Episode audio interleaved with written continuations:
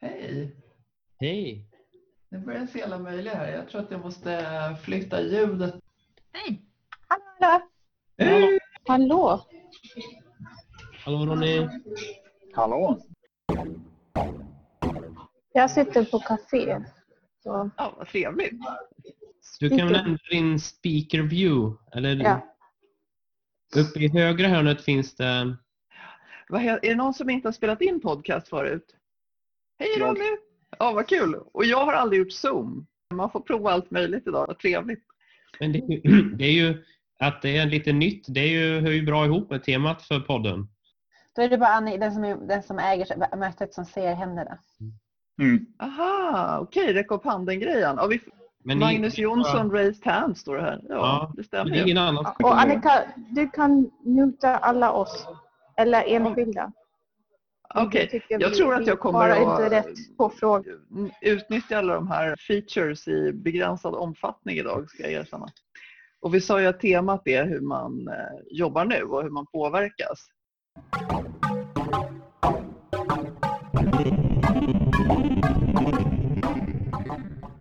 Hej och välkomna till Akademipodden, Sveriges Unga Akademins tvärvetenskapliga podcast som uppstår då och då. Och just nu så gör den faktiskt det och vi har eh, rekordmånga med oss idag. Och vi spelar in i Zoom som ju många får tillfälle att prova de här dagarna. Och då tänkte jag räkna upp er i bokstavsordning efter dem. Eh, Ronny Berntsson som är forskare i medicinsk kemi och biofysik vid Umeå universitet. Hej Ronny! Hej Annika! Eh, Steffi Burchardt som är vulkanforskare vid Uppsala universitet. Vi har Tove Fall som forskar inom epidemiologi i Uppsala. Magnus Jonsson som forskar inom organisk elektronik i Linköping och Katarina Wadsten MacLeod som forskar inom konstvetenskap. Jag heter som vanligt Annika Moberg. Ja, jag, vi kan också kanske nämna så småningom några aktuella projekt och nu bad jag inte var och en av er att, att ropa hej men ni kanske kan göra det unisont. Hej! Hej. Hej! Hej. Hej, härligt! Vi hörs ju nu för att eh, det uppstod en tråd i vårt gemensamma forum där många kommenterade hur man löser jobbet nu när många måste jobba hemifrån för att vi har en pandemi över oss. Ska vi ta en eh, laget runt? Ronny, hur funkar det? Hur det funkar? Det funkar än så länge förvånansvärt bra men det är väldigt mycket att rodda i. Um, har börjat ha Zoom-möten med hela gruppen eh, på måndag morgon istället för uh, för, ja, face to face. Vi har Zoom-möten individuellt i subgrupper under veckan och sen har jag också satt upp en Discord-kanal eh, för eh, voice chat ehm, på fikapauser. Så att, eh, Discord? de som är hemma och jobbar, Discord ja. Mm. Discord, Jag tänk tror att min son använder det det, men jag har aldrig provat det. Precis. Väl, tänk dig så här att är det någon som inte kommer krascha så är det de som är, liksom är de program som är uppsatta för liksom, eh, alltså dataspel, chats. För de har Mm. serverkapacitet så det räcker. Native onliners. Precis. Ja, det men ni har det morgonmöte ja. alltså och du leder en forskargrupp då? Ja, jag har en forskargrupp på åtta forskare i gruppen. Eh, plus mig. Så vi har möten på måndagmorgnar uh, och sen har vi eh, fikapauser på eftermiddagar eh, på Discord-kanalen. Ja, Funkar än så länge hyfsat. härligt. Ja. Steffi? Jag vet att du Ja, är föräldraledig nu men Ja, eh, jag ska unmuta mig bara. Eh, ja, jag leder en forskargrupp på fyra personer och vi har gått över till Zoom eh, för, för att hålla ihop gruppen. Eh, nu för tiden, ja, det blev lite stökigt eftersom det, vi hade planer att skicka en doktorand till ett labb i Frankrike som inte blev av och vi höll på med planering av fältarbete till sommaren. Men allt det ligger på is just nu. Men, men det viktiga är ju just nu att hålla ihop gruppen och att få dem att känna att de ska jobba hemifrån för det är en, en utmaning. Så vi har flyttat på gruppmöte som är på måndagar när jag jobbar eh, till Zoom. Och sen alla andra dagar så har vi en eh, gruppfika på Zoom som vi kallar för Suka. Eh, och det är frivilligt när man bara vill snacka lite med varandra och kolla att, att alla sitter hemma och jobbar. Så, så det tycker jag är viktigt också att man så, så där upplever jag att, att det flyter lite ihop det där med att vara föräldraledig tre dagar i veckan och eh, försöka hålla eh, humöret och eh, motivationen uppe hos andra. Så ser det ut just nu. Ja, tack. Tove då?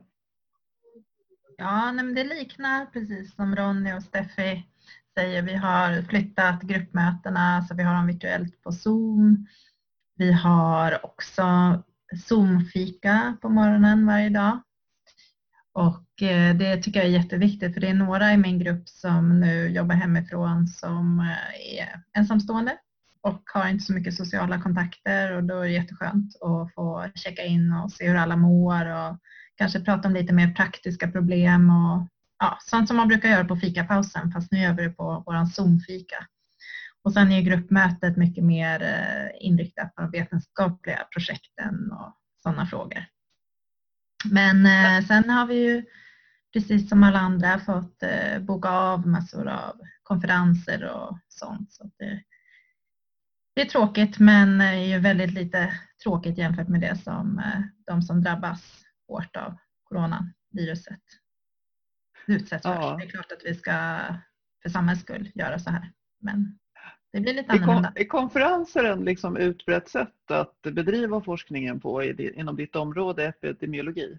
Ja, alltså det är både viktigt för att vi ska få input på det vi forskar om och vi presenterar för våra kollegor och så kan de säga men varför har ni inte gjort så här eller ja men det måste vi kolla upp i mina data kan de säga och så hjälper vi varandra.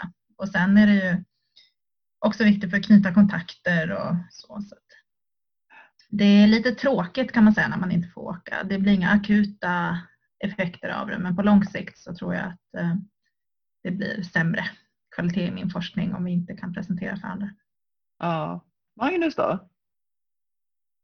Ja, det ser ganska liknande ut. För mig började det egentligen ganska tidigt. Det var min, min doktorand som skulle disputera och opponenten från Sydkorea kunde inte komma hit för det hade precis blivit uh, utbrett där då. Uh, så, så, det blev uh, intressant och hon fick vara med online istället via Skype. Det var innan jag lärde mig om Zoom eh, som vi alla använder nu istället. Men efter det så, ja, konferenser och annat har ställts in och eh, tänkte väl delvis att det skulle frigöra lite tid kanske till annat. Men det har det kanske inte gjort så mycket utan för det är mycket som ska ändras och planeras och eh, vi har extra ledningsmöten på jobbet för att se till att medarbetarna får rätt kommunikation. Eh, vi har väldigt internationell verksamhet som, som många av er andra och eh, se till att information finns på rätt språk. Det är många som är långt borta från sina familjer och så vidare. Så, och sammanhållning och se till att alla mår bra har varit ganska mycket fokus. Rekrytering är en annan sak, på att rekrytera ny personal som inte kan åka hit just nu. Hur gör man med kontrakt som kör igång? Kanske kan börja jobba online även där de är nu och så vidare. Så det har varit ganska intressant och lärorikt, många nya erfarenheter än så länge. Ja. Som SUAs ordförande så har, har du också fått lite extra att organisera om där. Ja, det har ju varit liknande eh, frågeställningar även inom eh, vår verksamhet såklart. Att vi får ställa in många olika aktiviteter och tänka om hur vi ska göra med akademimöten och hålla även dem online och så vidare. Så absolut. Mm. Katarina, hur har du det? Ja, för mig så började det här äh, digitala arbetssättet med ganska med, vad heter det, crash boom bang. För jag var på förra onsdagen, eller förra, förra onsdagen när det var nu det började, på väg till en konferens i Köpenhamn, så jag var i Skåne och första beskedet på eftermiddagen var att nu så kommer bara de som är speakers delta i konferensen och allt ska streamas. Och sen sent på kvällen, på onsdagskvällen, så fick vi ett meddelande att allt är inställt för Danmark stänger sina gränser. jag var på den eh, svenska sidan och skulle tänka men då tar jag liksom ett tåg, det tåget jag har på fredag eftermiddag i alla fall och spenderar en dag till i, i Malmö. Men det gick inte för då kom en stor storm som skulle stänga all tågtrafik i södra Sverige. Så vi kastade mig på ett tåg och min doktorand som var fast i Köpenhamn hon blev fast i Danmark och kom inte därifrån på, på sent på eftermiddagen med ett flyg som ännu... Så det var väldigt dramatiskt, tänker man herregud hur det, hur kan det bli så här dramatiskt med något så oskyldigt som en konferens bland konstvetenskapliga forskare i Danmark? Så det var liksom en häftig start på det hela. Men själva det dagliga forskningsarbetet sen som fortskrider väl hemma igen, det är ganska mycket som vanligt på många sätt. För, att, för många humanister i alla fall som arbetar med text och bildbaserat material så gör vi stor del av vårt forskningsarbete ensamma vid våra skrivbord. Så på ett sätt så fortgår det som vanligt. Men naturligtvis så blir det stor skillnad att behöva dra sig undan för att kunna skriva och vara tvungen att hålla sig hemma och inte kunna delta eller möta sina doktorander eller kollegor. Så det är på ja, samma sätt som ett annat. Jag har svårt att, jag ser ju dig i bild här nu eftersom vi har videosamtal, men är du hemma? Eller jag, sitter är du på jobbet? Min, nej, jag sitter i min skrivskrubb hemma, vi, jag är inte på jobbet. Vi har varit i karantän i två veckor så jag är definitivt hemma. Ja. Är det samma för er andra? det ser väldigt hemtrevligt ut, utom Steffi då som är på distans på café. Ja, jag får ju inte pendla till Uppsala för jag bor ju i en riskzon här i Stockholm. Just det. Och vi har ställt in alla vår, Linköpings universitet har ställt in alla tjänsteresor så vi får inte heller resa. Eh, och vi ska jobba hemifrån när vi kan så, så gott det går. Mm. Så jag är hemma också. Ja, Ja, det är som, eh, så jobbar sekretariatet för akademin också. Men nu har jag faktiskt smitit in här. Och det är ganska tomt. Eh, de håller på och renoverar hörsalen på Kungliga Vetenskapsakademin så om det är någon som sågar här så vet ni vad det är. Det blir nog mm. fint till slut. Dubbel takhöjd tror jag faktiskt. De har eh, tagit ner golvet så hela källaren eh, blir också en del av hörsalen. Det blir nog ganska coolt. Inte dumt alls. Men det var ju fler som sa att, som Tove, du sa att man får liksom ibland istället på den här, på eran soka som eh, Steffi kallar det, dra lite praktiska frågor och sånt där. Hur påverkar det dem i, i din grupp? Man, många i min forskargrupp kommer inte från Sverige så att de eh, behöver, det har inte funnits så jättemycket information eh, från eh, universiteten och i Sverige på engelska. Och, eh, så att där har man, jag har försökt och vi andra som är från Sverige att hjälpa dem att förstå vad det är som gäller just nu och det ändras ju ofta från dag till dag vad det är som gäller och sådär. Eh, och sen just de här då gästforskarna som är här och är själva och kanske inte har något socialt nätverk och eh, så. Ut, ja. Alltså de har i alla fall inga nära anhöriga här så då får man ju faktiskt se till att hålla koll på hur de mår och att de vet att får man symptom ska man inte sätta sig och åka till akuten direkt utan man ska ringa först. Vart ska man ringa? Och... Har det hänt eller? Nej, det har det inte. Men det är sån information vi har eh, ja, gett ut och pratat om och sådär. Fått distribuera? Ja. Ja vad heter det, jag har också stött på eh, kollegor som eh, till exempel från Grekland. Och där har de eh, en väldigt sträng karantän. Man får till exempel stå i kö till mataffären och gå in med ledsagare en och en och handla. Och de, där är det nu idag, vad har vi den 24 mars, ännu inte lika spritt. Men det, och då så när hon inte kan ta del av den svenska informationen och det är sådär strängt så är det klart att hon blir orolig och undrar vad som gäller här. Men Folkhälsomyndigheten har väl information på engelska också, antar jag. Mm. Ja, Steffe nickar. Och Tove, du, du forskar ju i epidemiologi. Hur, mm. liksom, men det kanske är på ett helt annat vis. Mm, än... Man kan ju säga en sån här infektionsepidemiologi då som är aktuell ja. när man tittar på hur infektioner sprider sig i befolkningen, det är en annan gren av epidemiologi än vad jag håller på med. Det jag gör är att titta på kroniska sjukdomar, hur de är spridda i befolkningen, men de smittar ju inte på det sättet. Då. Så Eh, det är inte min specialitet, men det är klart att jag kanske är mer insatt än gemene man. Man säga. Det förstår jag. Jag, vet det, jag vet att du hade ju några förslag här. Ni debatterade några stycken i DN bara häromdagen mm. och vill erbjuda hjälp till myndigheter. Mm. Vad, ja, jag tänker så här att eh, nu är Sverige i kris och eh, det finns jättemycket saker som behövs göras och där man behöver tänka väldigt smart. Det, som ett exempel kommer det ut i publicerade artiklar minst en gång i timmen från de större medicinska vetenskapliga tidskrifterna som med nya rön och man undersöker det här viruset och människor som drabbas av det här viruset. Och någonting som många forskare är duktiga på det är just att kritiskt eh, granska sådana här vetenskapliga artiklar. Och där tänker jag till exempel att man skulle kunna sammanställa underlag som forskare om man ändå nu mest sitter hemma och kanske är väldigt eh, engagerad i det här epidemin. Så mm. kanske är en uppgift eller eh, att göra avancerade beräkningsmodeller på spridningen och så vidare. Ja, skönt att kunna hjälpa till.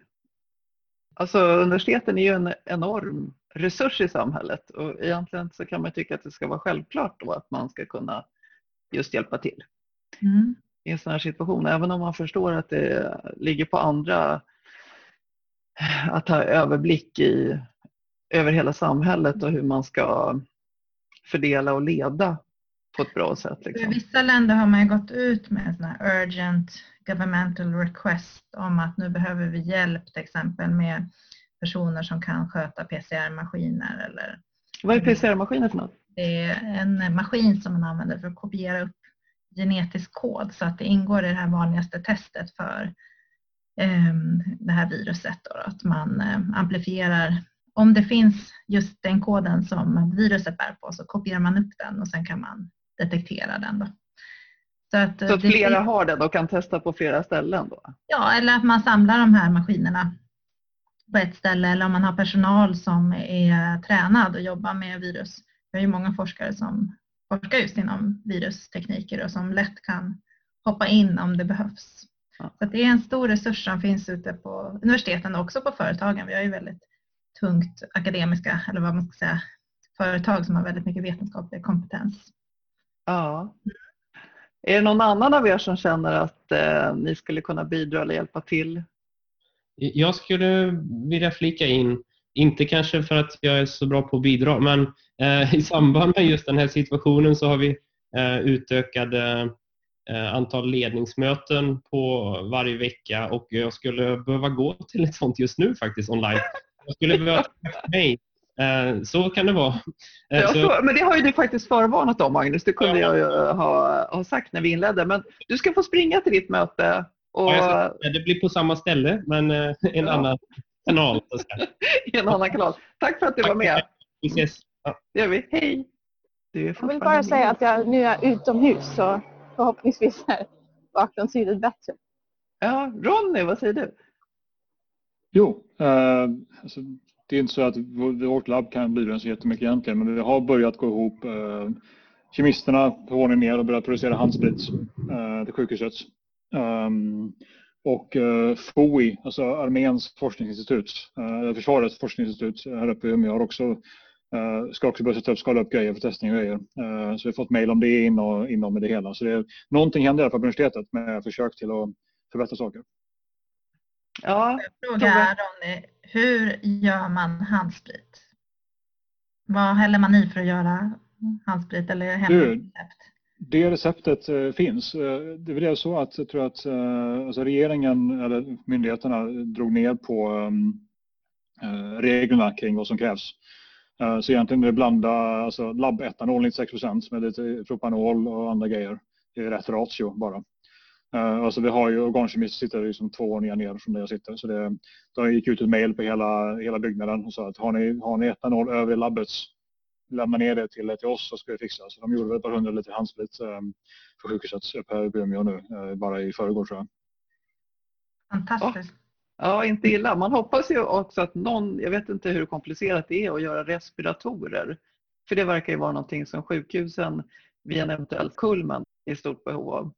Är det någon av er som har hört talas om det?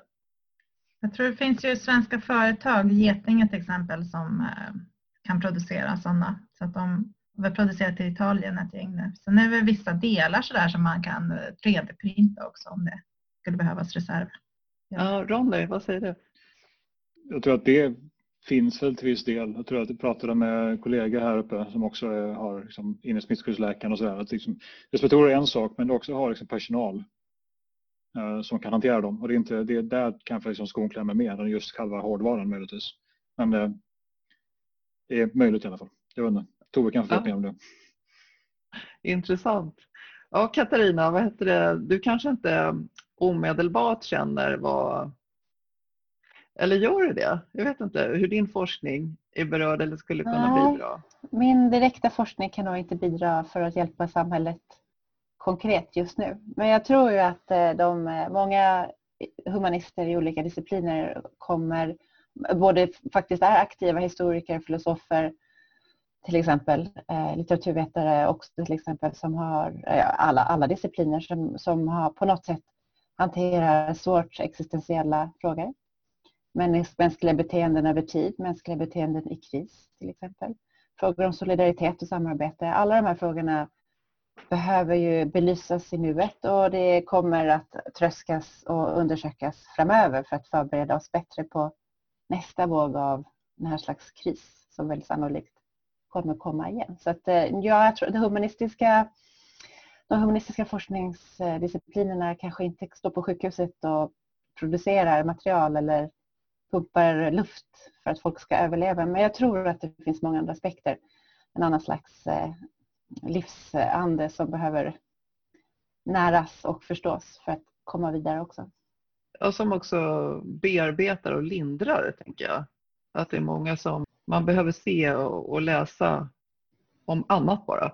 Och sen också, det är det här bearbetandet, det kommer säkert, gissar jag, att märkas i vår kultur det gör väl det redan nu men det är lite svårt att se. Ja, och sen är det ju liksom hur kulturen kommer bearbeta i olika former den här frågan, eh, eller och har gjort. Men det handlar ju också om tänker, ett forskningsperspektiv, att sätta det i olika perspektiv, historiskt perspektiv eller jämföra med andra typer av utmaningar i andra sammanhang. Så det handlar, där, där är forskningen kanske lite annorlunda än kulturskapandet, skulle jag tro. Ja, jag, jag var så nyfiken bara. Vad, vad liksom handlar din forskning om nu idag? Alltså just nu, just idag sitter jag och skriver om ett antal utställningar på 70-talet eh, i konstutställningar som, som just ägnar sig åt solidaritetsfrågor för att skapa och göra en bättre värld. Och eh, det som man ser i de utställningarna som gjordes då som har varit till exempel att visa indiskt konsthantverk på en konsthall eller göra utställningar, eh, konst mot apartheid till exempel. Det handlar ju om att skapa utrymme för att diskutera och, skapa kunskap om hur människor har det i andra världsdelar via olika konstformer. Men det som, underbygger, det som ligger under de här utställningarna är också en ganska västerländsk syn på de här olika nationerna eller hur deras konstarter. Alltså, det är lite dubbelt. Nej men eh, då, man betraktar dem som de andra. Mm. Eller ja, de är anonyma eller konst, anonymt konsthantverk istället för sådana västerländska konster som har en huvud, huvud, huvudperson och ett viktigt namn. Mm. Det är sådana där masker kanske eller? Ja, kanske det kan vara och lite annat möjligt. Så att det, solidar, jag tror att eh, det finns ju många som forskar om solidaritetsfrågan och den är ju högst aktuell både i nuläget och längre fram. Ja, det är det verkligen. Steffi? Ja, jag hör dig. Ja, hur går, är du ute och promenerar med Tilda? Ja, nu sitter vi här i ett café utomhus. Ah. pappa har kommit och, och vill äta glass. Vi sitter Har ni gått till snö gissar jag?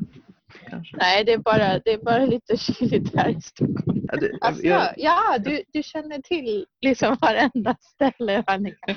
ja, det, där, det där glassstället, det känner jag till. Ja. Jo, när du eh, peppar dina medarbetare, och hur märker du att de har lite svårt att hålla fokus? Ja, men vi, vi pratade från, från början, jag vet att det, det kan vara svårt att hålla motivationen uppe just när man sitter hemma. Och det är lite grann som när jag var föräldraledig innan eh, Tilda kom. Så var jag hemma i en månad nästan. Och jag, jag, från att gå till jobbet varje dag och ha tydliga rutiner och klä på mig och så, så hamnar man i, i ett vakuum plötsligt. Det finns inte riktigt någon anledning till att gå upp en viss tid eller klä på sig eller eh, ens lämna huset. Så det, det, kan bli lite deppigt tänkte jag. Mm. Så, så jag försökte peppa dem med sådana tips som man får om hur jobbar man bäst hemifrån. Gå upp eh, i samma tid ungefär som du brukar gå upp.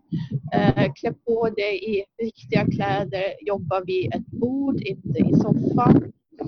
Eh, gå ut någon gång under dagen så du får lite frisk luft och så. så sådana ganska, ganska basala saker pratade vi om.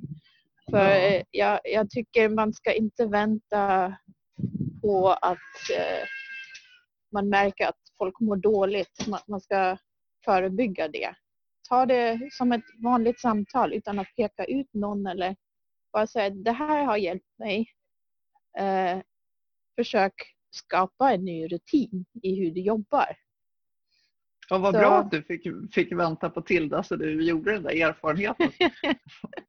ja, men jag, jag gillar mina rutiner. Jag, jag blir helt galen när jag inte har dem. Så, ja. så jag vet hur jobbigt det är. Så, och är man på kontoret och ser andra jobba och, eh, man peppar ju varandra. Men mm. ser man ingen hemma eh, eller bara pojkvännen som också sitter hemma och ska jobba så, så blir det lätt lite man blir lite slö, man blir lite omotiverad man märker hur, hur tiden går väldigt långsamt. Så jag, jag tog upp samtalet från början och, och det var just ett sånt eh, Zoom-fika där vi tog upp det. För, för det är sådana informella sammanhang. Mm. Um, då är det inte som att jag som deras uh, forskargruppsledare pekar ut dem att de inte jobbar eller så vi brukar, annars brukar vi ha sådana samtal vid, vid lunchbordet men nu har vi ju inte tillfället det. Nej, det, det faller sig inte bara. Ja, precis. Och, och, allt blir lite, lätt lite allvarligt när man bara träffas vid en viss tid eh, Eh, i ett visst sammanhang. Därför tycker jag är det viktigt med sådana informella möten också. Att man upprätthåller sina, i alla fall något informellt möte som fika eller lunch eller någonting. Ja, vilket bra tips. Ja, är det något som, eh, vad sa du Ronny, vad, vad pratar ni om när ni har SOKA? Ja, lite allt möjligt. Uh, mycket liksom, vad som händer i samhället gissar jag på. Uh, liksom det, jag har en kille som kommer från Taiwan, kom hit till Sverige för sex veckor sedan. Känner inte någon liksom, så det, det ja, uh, ytterligare, ytterligare folk som kommer liksom utifrån. Jag menar, det är två personer svenskar och resten är liksom från utlandet. Eh, så det är inte så att de har jättestort kontaktnät utanför jobbet. Så vi pratar väl lite grann generellt om Sveriges respons som är lite annorlunda än resterande Europa till exempel. Men även liksom bara rent skitsnack. Eh, hur ska man klara den här karantänen? Köpa Nintendo Switch kanske, spela ett spel, någonting. Ja. Lite blandat. Får jag flika in där? Vi, vi sa igår att ja, det, blir, det blir lätt lite tråkigt nu när man inte upplever någonting som man kan berätta för sina kollegor. Alla sitter hemma och gör samma sak men då började vi också prata om våra olika hemländers respons. Corona är ju lätt det enklaste ämnet just nu. Ja, ja visst är det så. Ronny, får du, eh, hjälper du din dina medarbetare också privat? Liksom, om man säger så här, har du, här kan du spela badminton eller uh, har du provat det här uh, trailspåret i skogen eller har du Ja, Känner du ett sådant ansvar för dina forskare som inte har ett nätverk här?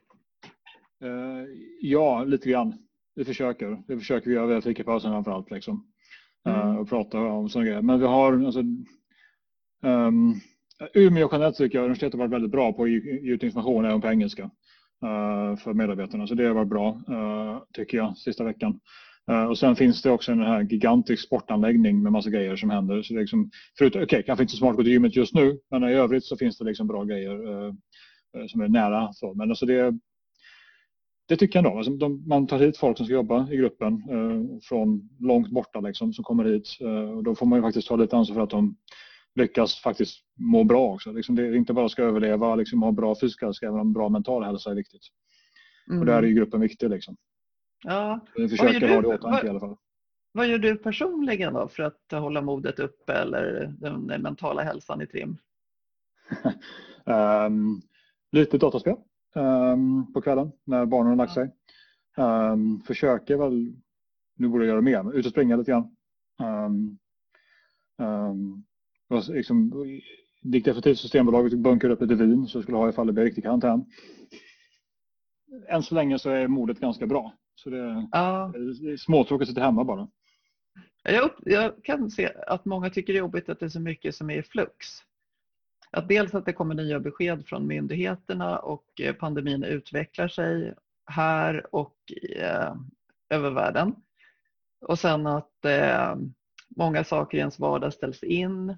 Eh, kanske handlaren i kvarteret är i en ekonomisk kris därför att kunderna inte eh, kommer längre. De sitter hemma i karantän.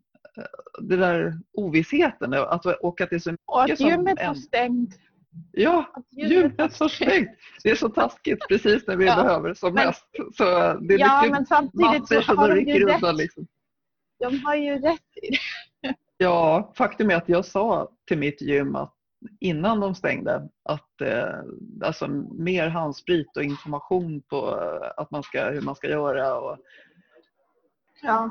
Men alla gym har ju inte stängt. Det där är också intressant. Nej, men jag tänkte faktiskt när, när just det, det är ju en stor kedja. De har ju väldigt många medlemmar och påverkar väldigt många genom att stänga. Och så Mm. tänkte jag, ah, nu har de stängt det enda som håller mig upprätt. Ja, Eh, men, och, och så funderar jag på, jag kanske ska eh, träna någon annanstans så länge, men då, då underminerar jag ju effekten av att distansera sig. ja, det är ju också någonting som man inte är van att förhålla sig till. Ja, förlåt, Ja. både Tove och Ronny har hade något berätta. göra sådana här online-pass då, Steffi? Så att du kan... Ja, precis. Det, det har jag börjat med nu. Men, men just att komma in i det. Att, att byta till en ny vana. Ja, Katarina. Vad sa du Katarina? Jag tycker det är fantastiskt med alla utegym som finns i alla fall i Stockholm. Överallt där man går så finns det ju helt otroliga utegym. Vad gör du där? Jag tycker bara det brukar vara en sån här stock man inte orkar lyfta eller någonting. Det är Alltså jag går mest där. förbi. Jag går mest förbi. Men det är fantastiskt. Jag promenerar, mycket. jag promenerar nästan mellan 8 och Blir 10 man kilometer stark varje av dag. det, att gå förbi? Jag har Men jag märkt går-. Nu har jag haft en eh, lite infektion och förkylning. Men jag försöker promenera sådär, ni vet, 10 kilometer, 8 om dagen för att hålla, för att hålla sinnet balanserat. Det är min stora, att motionera och få luft och få luft och få luft och motionera. För att, och det är Ja. väl någonting som jag jag har lärt mig för, efter många, många år som skribent. Att, eh, den här disciplinen Steffi som du pratade om, att vara stenhård. Den är, liksom, går aldrig att tumma på disciplinen. Gå upp varje dag, gå ut varje dag. Jag börjar dagen med en lång promenad. Klä på mig ordentligt, klä mig på något sätt som att jag går till ett jobb. Sitter inte hemma i mjukisbyxor. För att då det, Det går liksom det fort ut för. ja, det går ut Rätt som det så ligger man under sängen och skalar apelsin. Jag, jag skulle flika in också det här med doktoranderna och deras stress och hålla dem motiverade. Att eh, det finns en stress som är lite utanför den egna handledaren eller gruppen. Tove visade just ju- vad hon hade på sig. Var, var det mjukisbrallor Tove? Den här träningstights, men man kan ju inte säga att jag har varit ute och tränat. Det ser sportigt ut i alla fall. Ja. Eh, eh, Jag tänkte bli rik på min hund, för jag hört i vissa europeiska länder så får man bara gå ut om man går ut med hunden. Och där hyr de ut hundarna till varandra, så hundarna är slut. ja, förlåt Katarina, vart du avbruten? Nej, Jag tänkte att det, det stressen som jag upplever att det finns hos en del doktorander det är ju att på ett övre plan när de inte riktigt kan utföra allt det de ska göra som planerat så går de ju liksom inte på heltid på sin forsknings... De utnyttjar inte sin forskningstid för den delen som doktorandprojektet tickar på. Och där saknas det fortfarande beslut från universitetsledningar upplever jag. Hur, hur ska man lösa att doktoranden inte kan jobba 100% på grund av att de inte har tillgång till material eller till arkiv, i mitt fall arkiv till exempel, eller samlingar. Och där, det är ju en jättestress som Ja. Är det, är det något konkret som du har tänkt på att du skulle vilja ha eller behöva eller någonting som de kunde göra? Jag tror att universitetsledningen behöver ta lite ekonomiskt ansvar för att låta förlänga med den doktorandtid med den tid som går spilt om det är 10% eller 20% Ni vet, för den stressen Ja. som doktoranderna har är ganska stor redan. Ronny? Alltså, men doktorander tror jag än så länge är helt okej. De kan jobba på hyfsat bra hemifrån också till stor del eh, och dels i labbet. Men det, det som jag har märkt är, alltså jag är kursansvarig också för en kurs just nu, eh, för, alltså gr- grundkurs för studenter hela terminen och det är en 30 HP-kurs. Du måste lägga om hela kursen eh, nu, alltså på en vecka liksom, till online med onlineföreläsningar, en massa våtlabbar som så egentligen som måste göras då på något torrlabb och online istället och liksom examinationer, hur man löser det. Eh, Wow. och liksom studenterna är ju rejält stressade eh, över hur i hela tiden kommer detta ske? Hur ska vi lära oss på bra sätt? Hur kommer vi liksom till, alltså, vad händer? Kan jag klara kursen? Kommer få CSN? Etc. Eh, Så jag har spenderat väldigt mycket tid sista veckan i korrespondens och försöka vara väldigt tydlig i information med studenterna på kursen och vad som händer, vad, vad vi ligger till, vad läget är. Liksom. Eh, Så det har tagit väldigt mycket energi. Eh, Ja, det låter ju mer som att det ska ta än- åtminstone 25-30 procent av din kapacitet. Ja, Wow, alltså, hur, det gör, hur gör man en våtlabb på distans? Ja, det, det, den är spännande. Eh, vi håller just nu på och filmar, börjar idag eh, faktiskt. Det är ett par labbasar som sitter och filmar labben. De gör den själva och filmar den, mobilen. Lägger in en hel del frågor i filmerna. Och sen kommer studenterna få kolla på filmerna och de kommer få eh, datat mejlat till sig via, via lärplattformen. Och sen får de skriva labbrapport på den då, så liksom online våtlabben de får göra. Så det, vi har modifierat kursplanen så att de inte krävs att ha färdigheter praktiskt då, utan det är bara kunskaper i laborativa moment för det, det går liksom inte att genomföra det. Men samtidigt kan vi heller inte skjuta upp det helt och hållet för liksom det, då tappar de, kan de inte ta kursen, liksom, de tappar de 7 HP och det, det, ja, de får ändå liksom genomföra sig på ett bra sätt. Så vi, vi testar det här nu. Det är, liksom, det är ingen bra lösning men den får vara, vara förhoppningsvis bra nog i alla fall. Ja, vad ni får uppfinna. Wow! Ja, eh, jag hjälper min... Jag, jag undervisar inte själv just eh, den här terminen för jag är föräldraledig men eh, min postdoc och min doktorand de skulle ju egentligen undervisa en fältkurs. Så, så det blev också lite intressant hur, man, hur vi ska lösa det. Var skulle ni ha varit någonstans? Eh, I Stockholms skärgård så det är inte så långt men alla, all fältundervisning är inställd för hela terminen. Så vi behöver ju erbjuda någonting istället och vi behöver då examinera också. Så, Ja. Men eh, som tur var så, så har jag en kollega i, i Nya Zeeland som eh, jobbar på just eh, väldigt avancerade nya tekniska lösningar för att underlätta um, just undervisning i fält för folk med funktionsvariation. Så de utvecklade digitala fältkurser, så man kan, eller virtuella fältkurser. Så man kan gå i, eh, som i ett dataspel och sen får man uppgifter och eh, frågor och så som går att examinera. Så Ja. det kommer ju driva fram den här utvecklingen enormt mycket. Mm. Eh, Vi var på väg dit lite grann, att det finns lite virtuella eh, sådana övningar. Men jag tror framöver så kommer det, det hela explodera. Ja. Ronny, vad säger Men då du? måste ju, då måste ju alla få ett VR-headset, eller hur? Ja, det tror jag nog. Att alla ska få det. Och då är det bara lärarna som åker ut till olika ställen i världen och spelar in. Nej, jag tycker ju att vi inte ska ersätta eh, de här praktiska momenten eh, i all evighet. Men jag tycker det kan hjälpa att eh, ha det som en, en förberedande övning till exempel eller efteråt att plugga eller eh, möjliggöra den typen av undervisning när man har just eh, problem med att ta sig ut i fält. Är, ni, är det några förändringar som några av er har genomfört nu som ni tror kommer att bestå i någon, kanske inte den här omfattningen men eller era studenter kanske säger så här, nej men alltså jag kunde inte komma in men jag kan ju göra den här våtlabben online istället. jag vill ha sovmorgon. Inte okej säger Ronny. Katarina, vad säger du? Nej, snarare tvärtom ska jag säga att, eller ja, vi har vet inget om Botlab. Men eh, det, var, det, Det vi redan hade på vår grundutbildning det var eh, en parallell onlinekurs. Du vet, distansundervisning online. Då. Så det var en ganska stor kurs hos oss. Så för oss att lägga över de andra grundstudenterna som går campus på den var ju egentligen inte särskilt mycket mer arbete. Även om det, mina kollegor som undervisar har arbetat mycket, mycket mer än de brukar ut de här veckorna. Mycket har fått jobba jättehårt. Men vad då? Ja, men ställa, det, det, allt som ska vara i klassrummet behöver ju gå digitalt. Så det behövs ju enorma insatser för att styra om studenterna även om undervisningsmaterialet till viss del redan låg där på en del kurs, på, på, på flera kurser, inte på alla.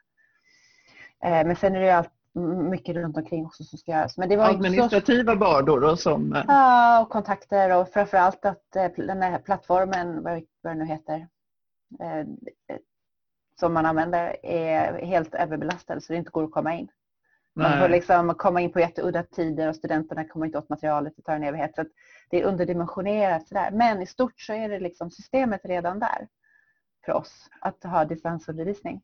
Till skillnad från kollegor som jag arbetar med i Polen som säger att de måste börja om helt från början och det finns ingen infrastruktur i deras, på deras universitet. Det finns, ingen, liksom, det finns inga lärandeplattformar som är upparbetade och då står man inför en helt annan verklighet. Så på ett sätt så har vårt hårda arbete med att skapa parallella distanskurser liksom varit lite, de kommer ju väl till pass nu då om man säger. Så, ja. Mm. Och jag tror att vi kommer utveckla fler kurser också av andra skäl. På grund av klimatskäl till exempel att kunna nå internationella studenter utan att de ska resa och annat. Ja. Eh, jag tänkte en, en fördel eller någon positiv effekt som eh, kommer ut av det hela kommer ju vara att vi vi växer ihop eh, på ett annat sätt digitalt.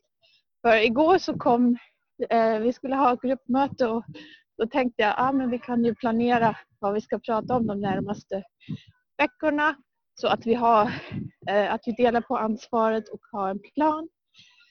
Och då kom jag på, men nu när vi ändå träffas digitalt så kan vi ju bjuda in vem som helst. Vi brukar mm. diskutera nya forskningsartiklar och eh, sen ibland när vi kommer på något som författarna har gjort fel så mejlar vi dem och, och ger dem lite feedback eller, eller så. Men nu kan vi faktiskt bjuda in författarna ja. eh, att vara med och diskutera och presentera sin forskning för oss. Så efter mötet igår så kontaktade vi några kollegor och, så de kan, kan delta. Så den här distansen som vi hade mellan oss. Att eh, de sitter i olika länder och den kommer att försvinna för, för var vi sitter spelar ingen roll längre. Nej, och nu blev det verkligen tydligt. Ja, Tove? Jo men det är ju superspännande Steffi och det där upplever jag också att plötsligt så är vi alla lika oavsett om man sitter på andra sidan världen eller i en Alla sitter där i sina mysbrallor. Och... en, eh, en annan konstig fördel som eh, jag fick höra. Vi har en eh, seniorprofessor med i gruppen och han hör lite dåligt men han tycker att han hör mycket bättre på datorn. Så nu hör han vad alla säger. Så att han förstår mycket, mycket bättre de andra nu när det är via datorn och han kan ha hörlurar på sig. Det är också en sån här oväntad konstig positiv effekt det blir liksom ett annat sätt att umgås på. Och så antar jag att en del blir kanske starkare så här än vad de är i en grupp när man träffas. Och tvärtom förstås. Jag ska bara säga att jag är ganska sådär jobbig på möten ibland och pratar mycket och avbryter folk. Men det blir så himla tydligt när man gör det på sådana här digitala möten. Så det är som någon slags medicin för mig. Nu måste jag ju faktiskt aktivt trycka på en knapp och sånt där och så tänker jag nej, nej, det är inte min tur att prata. Det är för sig inget som jag har tänkt på med dig, men jag förstår. Jag hörde att det var någon eh, ledamot som hade spelat in en föreläsning för att kunna erbjuda den digitalt. Och sen hade det inte blivit något. Så kan det gå. Har ni råkat på några sådana här fails, smärtsamma digitaliseringserfarenheter? Det är väl det att om man har skakigt internet så blir det väldigt, väldigt jobbigt. Och vissa ja. sådana här tjänster när det bara skrapar hela tiden och, och, då blir jag otroligt trött av att koncentrera mig en timme på ett sådant möte. Då känner jag mig helt slut efter alltså. Alltså det viktigaste är att alla faktiskt har vettiga headset. Så har man massa skräpigt ljud då blir det sjukligt jobbigt att sitta i online-möte. Men sen också, jag, har inte för själv, men jag har en kollega som gav föreläsningar alltså live via Zoom. Där man då egentligen sitter med en padda eller en tab tablet och skriver. Delar skärmen på paddan och använder den som en whiteboard. Och skriver liksom i online och då har man själv en liten video som är själv upp. Så det funkar ganska bra så länge Zoom funkar. Uh, så liksom, eh, universitetet har ju köpt massa mer kapacitet till Zoom för att det ska funka. Liksom, men det har fortfarande kraschat ett par gånger. Och kraschar det uh, så blir det väldigt svårt att ha live-föreläsningar. Um, så det är också därför jag inte har liksom några Zoom-fika utan något annat fika. För att det är tillsagda av ledningen att eh, kör inte, kör bara Zoom på, liksom på möten och på undervisning. Ja, nej, jag, jag, lite anekdotiskt att eh, en del behöver träna sig på de här digitala mötena. och, och komma ihåg att kameran är på. Det har jag varit i några sådana situationer den sista tiden. Att, att, Vadå, vad gör de då? Petar näsan? Ja, eller värre liksom. det var ett klipp som cirkulerade på Twitter igår med någon som inte hade inte tänkt på kamera på och tog av sig byxorna. Precis, gå inte på toa medan du sitter och mäter upp dem med din telefon.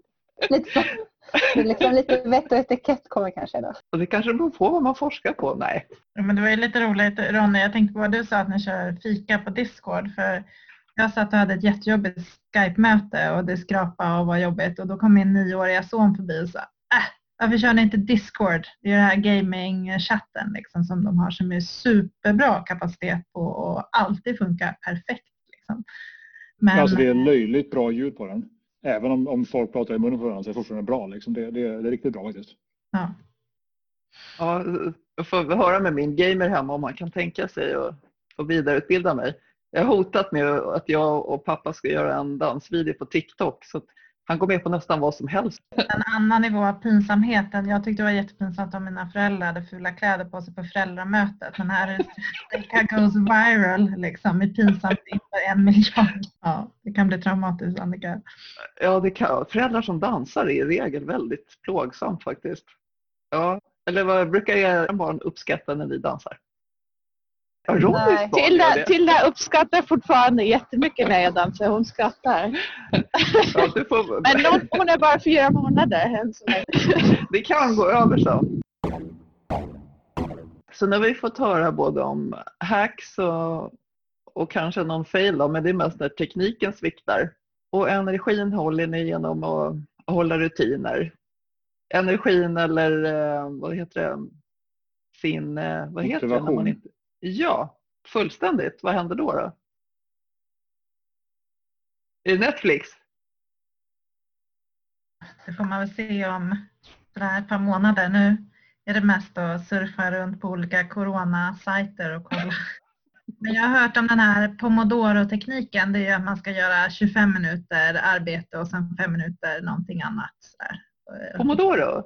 Ja, men nu har det kommit en ny som heter Modified Pomodoro. Så det handlar om att man kör coronasurfning i 25 minuter och så kör man jobb i 5 minuter och så upprepar man tills man har jobbat i en halvtimme. Man blir lätt väldigt uppslukad. Nu skulle vi ha träffats i Örebro om några veckor, men så blir det ju inte.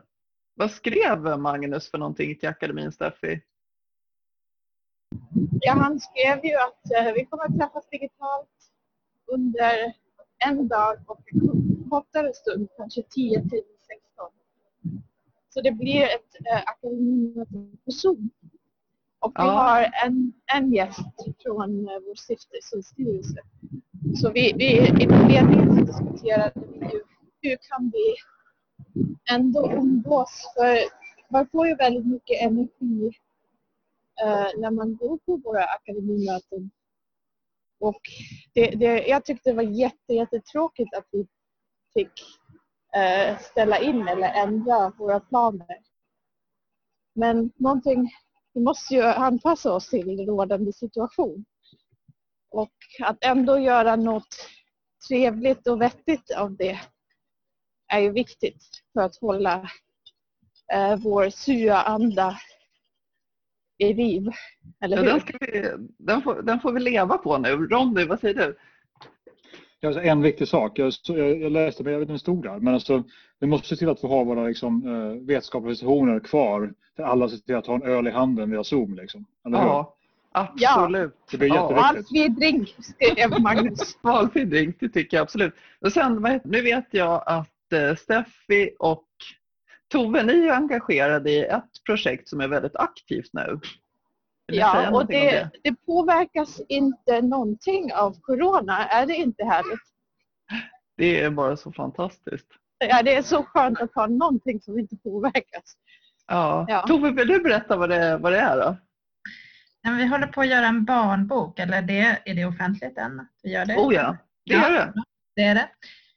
Och det blir världens bästa barnbok för vi ska göra en barnbok om forskare och eh, inspirera eh, ungdomar och barn till att vilja bli forskare och vi gör jättespännande forskarporträtt. Så igår intervjuade jag en väldigt spännande person.